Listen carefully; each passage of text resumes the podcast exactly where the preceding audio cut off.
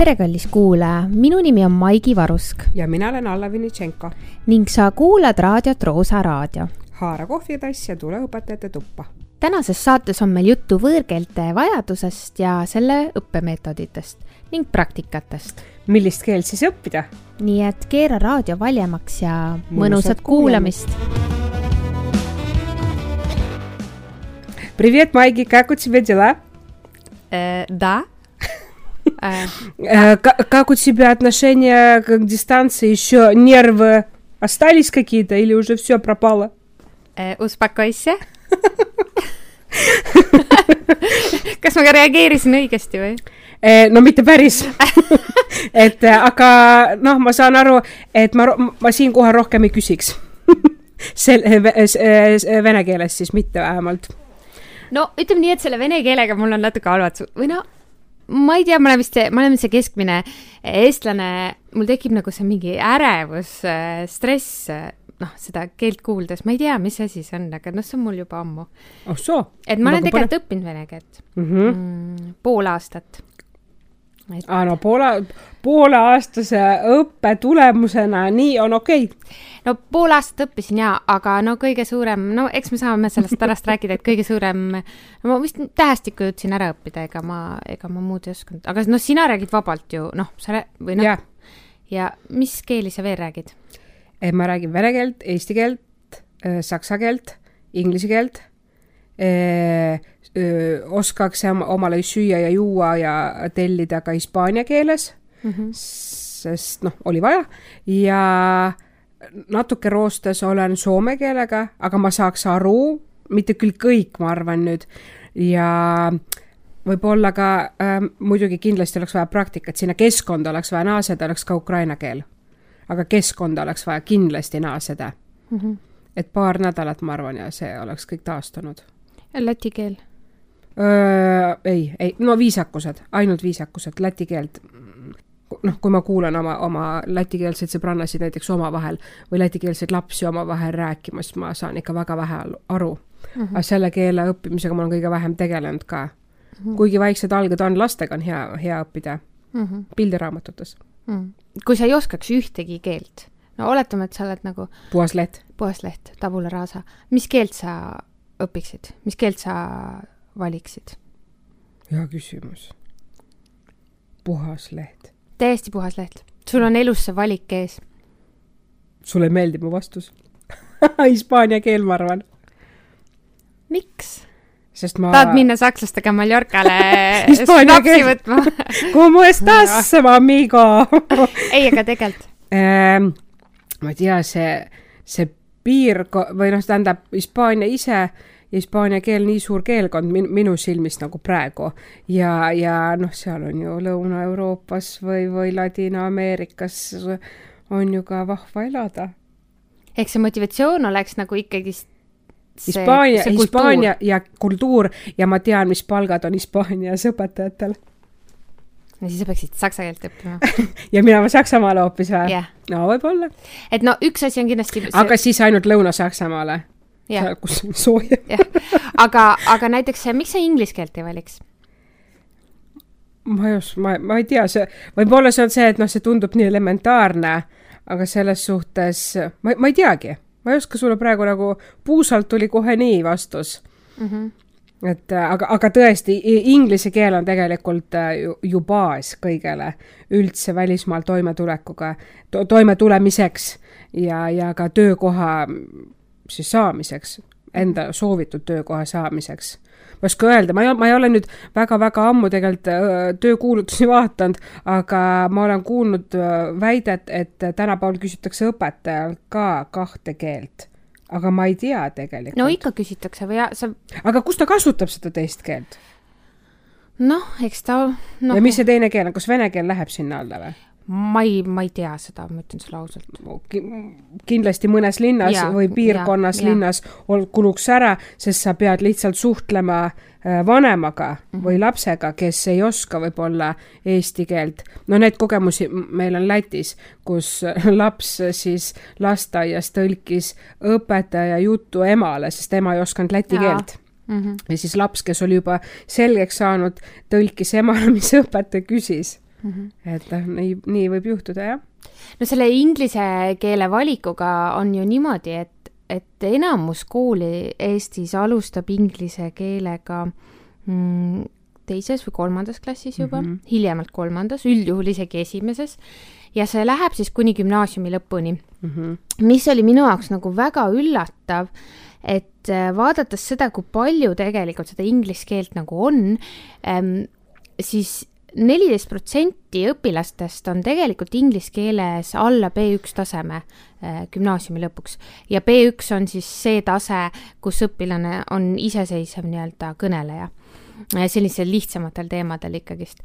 Ja, ja seal ma mõtlesin, kuidas see võimalik on, aga tegelikult see on väga lihtsalt võimalik, sest äh, ma lugesin ja kuulasin ühte TED Talki ja seal rääkis sellest, et, et kui me vaatame üldse kõiki maailmas olevaid inglisekeelseid vestlusi, siis mm -hmm. on niimoodi, et kui on ähm, inglisekeelne vestlus, äh, kus räägivad kaks emakeelt kõnelevat inimest, siis sinna vastu samal ajal äh, toimub maailmas neli äh, teist vestlust, mis on siis inglise keeles, aga räägivad inimesed, kelle emakeel ei ole inglise keel. Mm -hmm.. ehk siis ähm, üheksakümmend kuus protsenti kõikidest vestlustest maailmas on siis inglise keeles nende vahel, kelle emakeel ei ole inglise keel. ja seal tuli välja see, et tegelikult see, et sa oskad inglise keelt heal tasemel, ei mängi väga suurt rolli. seal toodi näide sellest, et inglise keele rääkimine võiks olla nagu arvutimängu mängimine mm, -hmm. et sul on eesmärk äh,, sa pead sinna lõppu jõudma, kuidas sa sinna jõuad, noh, see, see ei pea olema ideaalne lahendus mm. -hmm. ehk siis, kui meie sinuga nüüd räägiksime äh, inglise keeles äh,, siis me saaksime üksteisest aru, kui me Jep. teeme vigu. me võime teha vigu nagu sigu. et, et noh, et kui ma ütlen sulle näiteks ähm, I, I is hungry on ju, noh, et, et sa saad aru, sa saad aru, et noh, seal ongi see äh,, mida ma, milleni ma tahtsin jõuda, et see inglise keel tegelikult on nagu nii üldlevinud, aga ta on tegelikult üldlevinud ikkagist üsna sellisel äh, madalal tasemel. olen nõus, ma elasin peaaegu kaks aastat täpselt sellise inglise keele tasemega naabritega ja no. ma sain hakkama. tegelikult oligi näha, et ole, neil oleks nagu super suur nagu väärtus, kui nad oskaks inglise keelt ja nad said seda minuga praktiseerida mm -hmm. ja võib-olla ka nende lapsed ja mi mina jälle vaatasin, oh, hispaania keel annaks nagu nii palju, aga neil, neil olekski reaalselt ka töökohad on hoopis teised töökohad ja teised sissetulekud, kui sa valdad võõrkeelt Mm -hmm. et, et noh, et selles suhtes, et sa oskad äh,, äh, sa saad juba näiteks, kui sa oled ehitaja äh,, sul, sul, sul oleks võimalik rääkida otse ju töötellijaga mm -hmm. ja rääkida asjad sotiks ilma vahendajateta mm. -hmm. see oleks ju muy ben. jah, aga, aga minu küsimus, ma ei tea, võib-olla ma nüüd teen liiga kellelegi, aga või kas siis on vaja seda inglise keelt nii palju nagu õppida, et kui me saame niikuinii mingil tasemel hakkama või? jah, et need, kes tahavad õppida seal business english ja mm -hmm, mis mm -hmm. iganes, eks ole, et noh, palun, aga tegelikult milleni me jõuame, on see teine võõrkeel mm. -hmm. oletame, et sa valid hispaania keele mm, -hmm. mis sa võtaks teise valikuna? teine valik? jah. sinna juurde veel ühe võõrkeele hmm no võib-olla, ma ei tea, võib-olla olekski see siis inglise keel siis. Inglise keel. sest äh, pane need su-, suured keeled kokku ähm,, kus huugab tööstus ja tööturg ja sul, sealt mm -hmm. tulevad sulle atraktiivsemad pakkumised ja võimalused mm -hmm. tegelikult. aga Eesti kontekstis ikkagist meil on äh, teine võõrkeel vene keel mm -hmm. ja ja kusjuures, mis on hästi huvitav statistika, mis on Haridusministeeriumi poolt välja toodud, on see, et kuuekümne kahes protsendis koolides on valikus ainult üks võõrkeel. Ei ole ju valik. Seda ei saa ju nimetada valikuks, kui ainult üks keel on. Aga sa võid öelda, et sul on valik, aga sul ei tule, äh, sul võib olla näiteks, et sul ei tule gruppi kokku. okei. Okay.. sul mm., jah. Aga no tegelikult on see üks valik ja üldjuhul, üldjuhul on ta vene keel. ütleme ausalt. Äh, mina lõpetasin kooli äh, kaks tuhat seitse ja siis juba oli niimoodi, et lõpetasime kooli ära, olime, mina ei olnud, aga klassikaaslased olid kuuendast klassist õppinud vene keelt, kuues, seitsmes, kaheksas, üheksas, kümme, no üksteist on ju. ja mis sa arvad, kas nad oskasid seda? Ma tea, ma tean omast kogemusest, oma klassikaaslased, oma tutvusringkond, et nad ei oska ja mina, mina nagu ei saa aru, mis, mis tehakse, mis seal valesti tehakse ja kuidas nii aega raisatakse ja ressursse, ma ei räägi ainult rahalisi, vaid üleüldse aeg ja ei osata, see on maha visatud aeg ju. aga siin on nagu, tuuakse välja äh, kolm asja. sul on vaja motivatsiooni, et keelt õppida, sul on vaja praktikat. mulle tundub, et vene keele puhul peaks need kaks nagu olemas olema motivatsioon, et. no kas motivatsioon ikka on, vaata äh, siin ühes Õpetajalehe artiklis, eks ju, kus Martti Kalda toob väga hästi välja kõikide nagu keelkondade, keelte õppimise noh, põhjused või motivaatorid, seesama, eks ju, motivatsioon ja praktika, siis ta ütleb ka, et tegelikult keele, keele valiku nagu mõjutab ka see, kui heades suhetes me selle riigiga oleme ja kas see riik saab meile noh, mingid väljundid pakkuda eks ju. kui ta räägib seal, ma ei tea, Pakistanist, eks ju, noh, me, me ei hakka ju äh, ka hindu keelt õppima senikaua, kuni noh, me sinna ju noh, me ei näe väljundit seal ja vene keelega on lihtsalt see, et me ei ole motiveeritud ja me ei oska seda sellepärast, et noh, suhted on, on kehvad. aga, aga mina nagu, minul on jäänud see kuidagi kõrvu ikkagist, et, et vene keelt tuleb nagu õppida või osata hästi palju tuuakse seda näiteks, et noh, et tahad arstiks saada. sul tuleb äh, patsient vene keeles. ma olen nüüd, miks patsient ei võiks eesti keeles rääkida? Mm, -hmm. las see jääb. Mm -hmm.. noh, samamoodi tahad äh, võib-olla äri teha Eestis, eks ole, või, või, või tahad teeninduses töötada. Et see võiks ju olla nagu motivatsioon. ja ongi. Ja mina olen töötanud ka kaubanduses. Mõnda aega. Ja mina olen töötanud kaubanduses Tallinnas. Ja mina olen töötanud selliste inimestega, kes on ka Lõuna-Eestist pärit, löövad omale rinda, ütlevad Eestis ainult eesti keeles okei okay,, see on nende valik, aga kõik need inimesed, kes on läinud Tallinnasse elama ja, ja endiselt töötavad kaubanduses, siis kõik nemad oskavad nüüd ka vene keelt vähemalt sellel tasandil, mis puudutab nende toodete müüki. no see tuleb ja see teine asi on see praktika. just mm, -hmm. sest sul tekib vajadus ja nõudlus selle järgi. kui sinu sissetulek sõltub sellest, et sa võõrkeelsele inimesele müüd oma tooteid, siis sa õpid selle keele ära. nii sain mina näiteks jälle oma keele soome keelega soojaks Tallinnas elades Mm -hmm. nii ongi, kui sa töötad Tallinna eh, kesklinnas kaubanduses, siis äh, soome keel tuleb väga kiirelt. aga ma küsin korra, kuidas sa eesti keele selgeks said e,? koolis, koolis, mina, mina olin see fantastiline laps, kes mõned kuud enne kooli minekut saadeti eestikeelsesse rühma. minu vanemad olid nii liberaalsed, et nemad küsisid minu käest, et Alla, millisesse kooli sa tahad minna, kas venekeelsesse kooli või eestikeelsesse kooli. ma ei tea, kui paljudel on selliseid vabadusi olnud, nii palju, kui mina olen nagu suhtlenud inimestega oma tutvusringkonnas, siis tavaliselt noh, oli juba vanemate poolt ära otsustatud mm. -hmm. minul anti iseendal valida, ma olin seitsmeaastane juba ja kuna mul oli parasjagu eh, majas elavate teiste vene tüdrukutega suur tüli, sest nad olid sellised eh, klatšimoorid ja intriigide külvajad ja mulle see ei sobinud, siis mina ütlesin kohe, et mina lähen Eesti kooli, palun. nii et see oli sinu motivaator? noh, jah, see, see domino, mis mind lükkas, et ma ei tahtnud nende kiusupunnidega nagu kooli minna. aga minul oli kunagi kogemus hoovi, hoovilastena, et et ma kogu aeg mõtlesin, miks, miks vene lapsed ütlevad ja karjuvad kogu aeg rasvakriit rasvakriit ja rasvakriit ja mm. -hmm. mida sa kuulda tahad, onju. jah, aga tegelikult oli, kuidas see ongi, rasva, tri, jah, üks, kaks, kolm onju. üks, kaks, kolm. et aga mul, mul seal mot-, mot-, motivatsioon. mul tuli ka üks põnev lugu.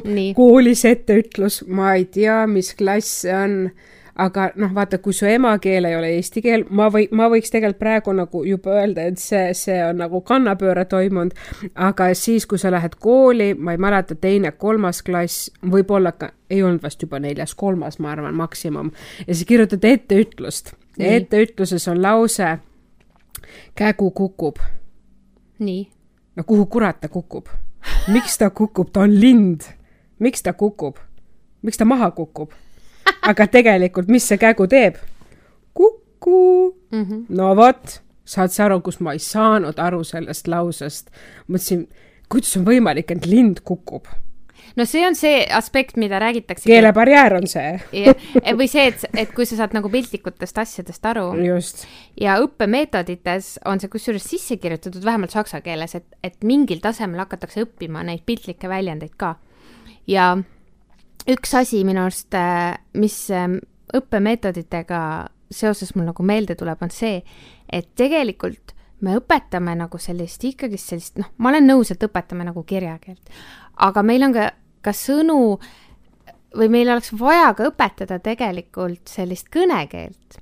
et näiteks noh, saksa keeles ju on nii palju selliseid mahlakaid kõnekeelseid mm -hmm. väljendeid ja noh, ja seal on väga oht. sa pead neid mõistma ka, sest muidu sa oled nagu, nagu vala, kala vales tünnis, sa yeah. ei saa muidu üldse aru. ja soome keel on täpselt samamoodi, neil on kantseliitlik keel, asjaajamiskeel, ametnike keel, aga tegelikult need noored, keda sa kohtad tänaval, kes seal, noh, ma ei tea, koroona ajal võib-olla enam ei hängi nii palju, aga kes muidu seal äh, lävivad omavahel, nende keel on hoopis teine ja kuna min-, minule õpetas soome keelt Tartu Ülikoolis üks doktorant Helsingi ülikoolist, siis me õppisime väga tihti kaks asja paralleelselt. et ta ütles äh, nagu noh, nii nagu ma õpetan seda keelt, mis sa tänava peal nagu kuuled mm. -hmm et see on nii, aga noh, ametlikus keeleks oleks see kogu aeg nii, et ta nagu lõpuks mina õppisin ja tegin oma suhtlusi seal selles noh, tänavakeeles, ütleme.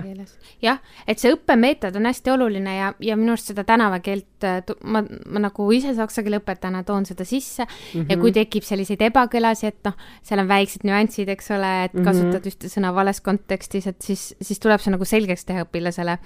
Äh, ja võib-olla nagu õppemeetoditest veel, et äh, mulle tundub, et mingi hetk öö, me nagu öö, õpetajatena peame hästi tähele panema, et, et me nagu lubaksime vigu teha no,. sest mis muidugi. mul nagu juhtus inglise keelega, et, et mina olen see nagu äh, inimene, kes hullult kardab inglise keeles rääkida ja mul on isegi üks kogemus äh, rahvusvaheliste õpilaste klassijuhatajate, klassijuhatajana, et mul hakkas äh, arenguvestlus ja ja ma ei olnud nagu sen-, senimaani üldse nagu mõelnud või no ma teadsin, et mul, mul, see ei ole minu kõige parem külg või kõige tugevam külg. ja siis ja siis õpilane istub maha ja ütleb Don't worry, teacher, I know your english isn't that good mm.. ja siis mul oli nagu mm. ja siis ma sain nagu aru ja siis ja siis ma, kuna ma olin täiskasvanud inimene või noh, olen, siis ma sain nagu aru, aga see ei ole üldse oluline, kui hästi ma oskan, vaid see, et mida ma siin ma nagu. sulle edasi ja, annan nüüd, see ja. info on tähtis. aga mulle tundubki nagu äh,. aga ma arvan, tema tahtis sult pinget maha võtta. aa, no võib-olla ta tahtis ja, aga no sul hoopis tekkis pinge? mul hoopis tekkis ja mulle tundubki nagu see ja mul oli korraks endal, see ei olnud õpetajaga seoses, mul oli väga hea inglise keele õpetaja.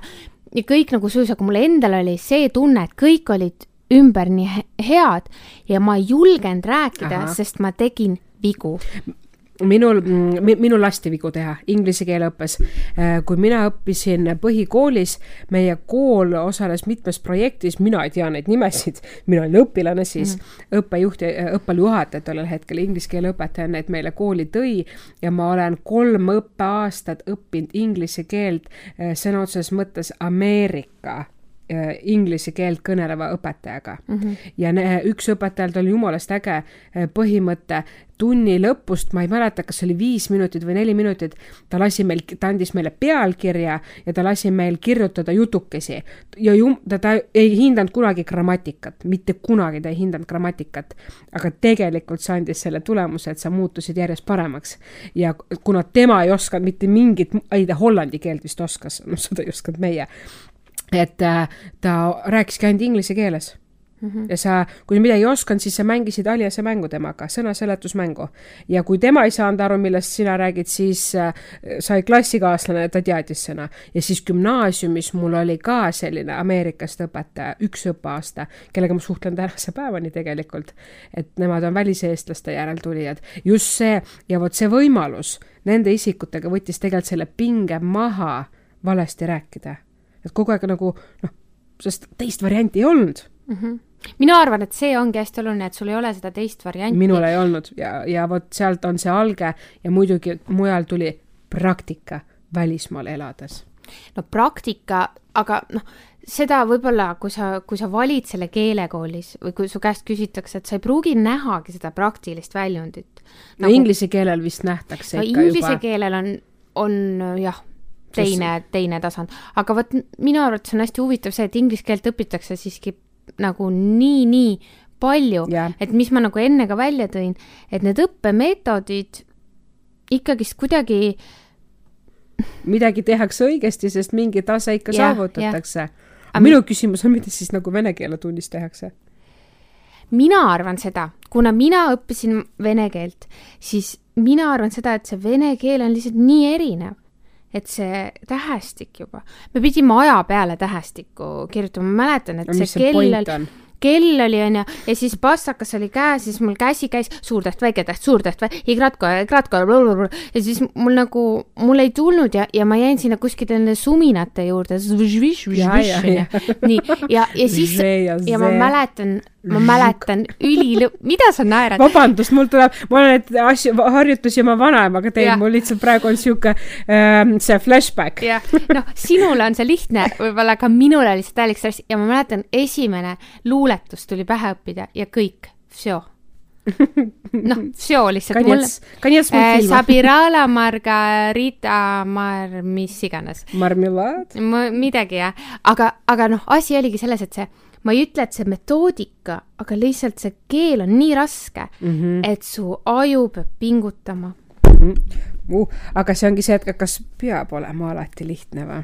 vot täpselt et, et meie aju arenebki, kui me Ta paneme muskel. ajule väljakutseid, kui me kogu aeg tompame ühe sama koha peal ja kogu aeg oleme sama tublid ja aga kus see siis progress on, mis see edasiviiv jõud on? minu arvates võiks üldse mõelda sellele, et panna see raskem keel mm. -hmm. nii-öelda esimeseks võõrkeeleks haridussüsteemis mm. -hmm. et kui me nagu vaatame seda, kui palju tunniressurssi, et mm -hmm. Tuuli Oder, Tallinna Ülikooli mm -hmm. Ühiskonnateaduste Instituudi õppejuht ähm, on ka välja toonud, et väga palju tunniressurssi pannakse inglise keelele ja kui seal ka neliteist protsenti ei saavuta seda taset, et kuhu see ressurss siis läheb või võib-olla nagu jagada seda ümber ja suunata hoopis sinna raskemasse, et ma toon lihtsalt näite, et äh, o- on ka koole, kus äh, esimese, esimene võõrkeel on näiteks vene keel või prantsuse või saksa keel.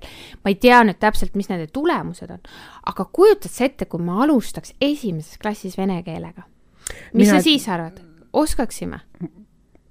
me oskaks seda siis, eestikeelne laps, kellel võib-olla kodus ei ole seda vene keelt üldse, siis oleks see ainult keelekümblus nagu või see õpe nagu kümblusvariant ja, ja selliseid koole on, ma tean.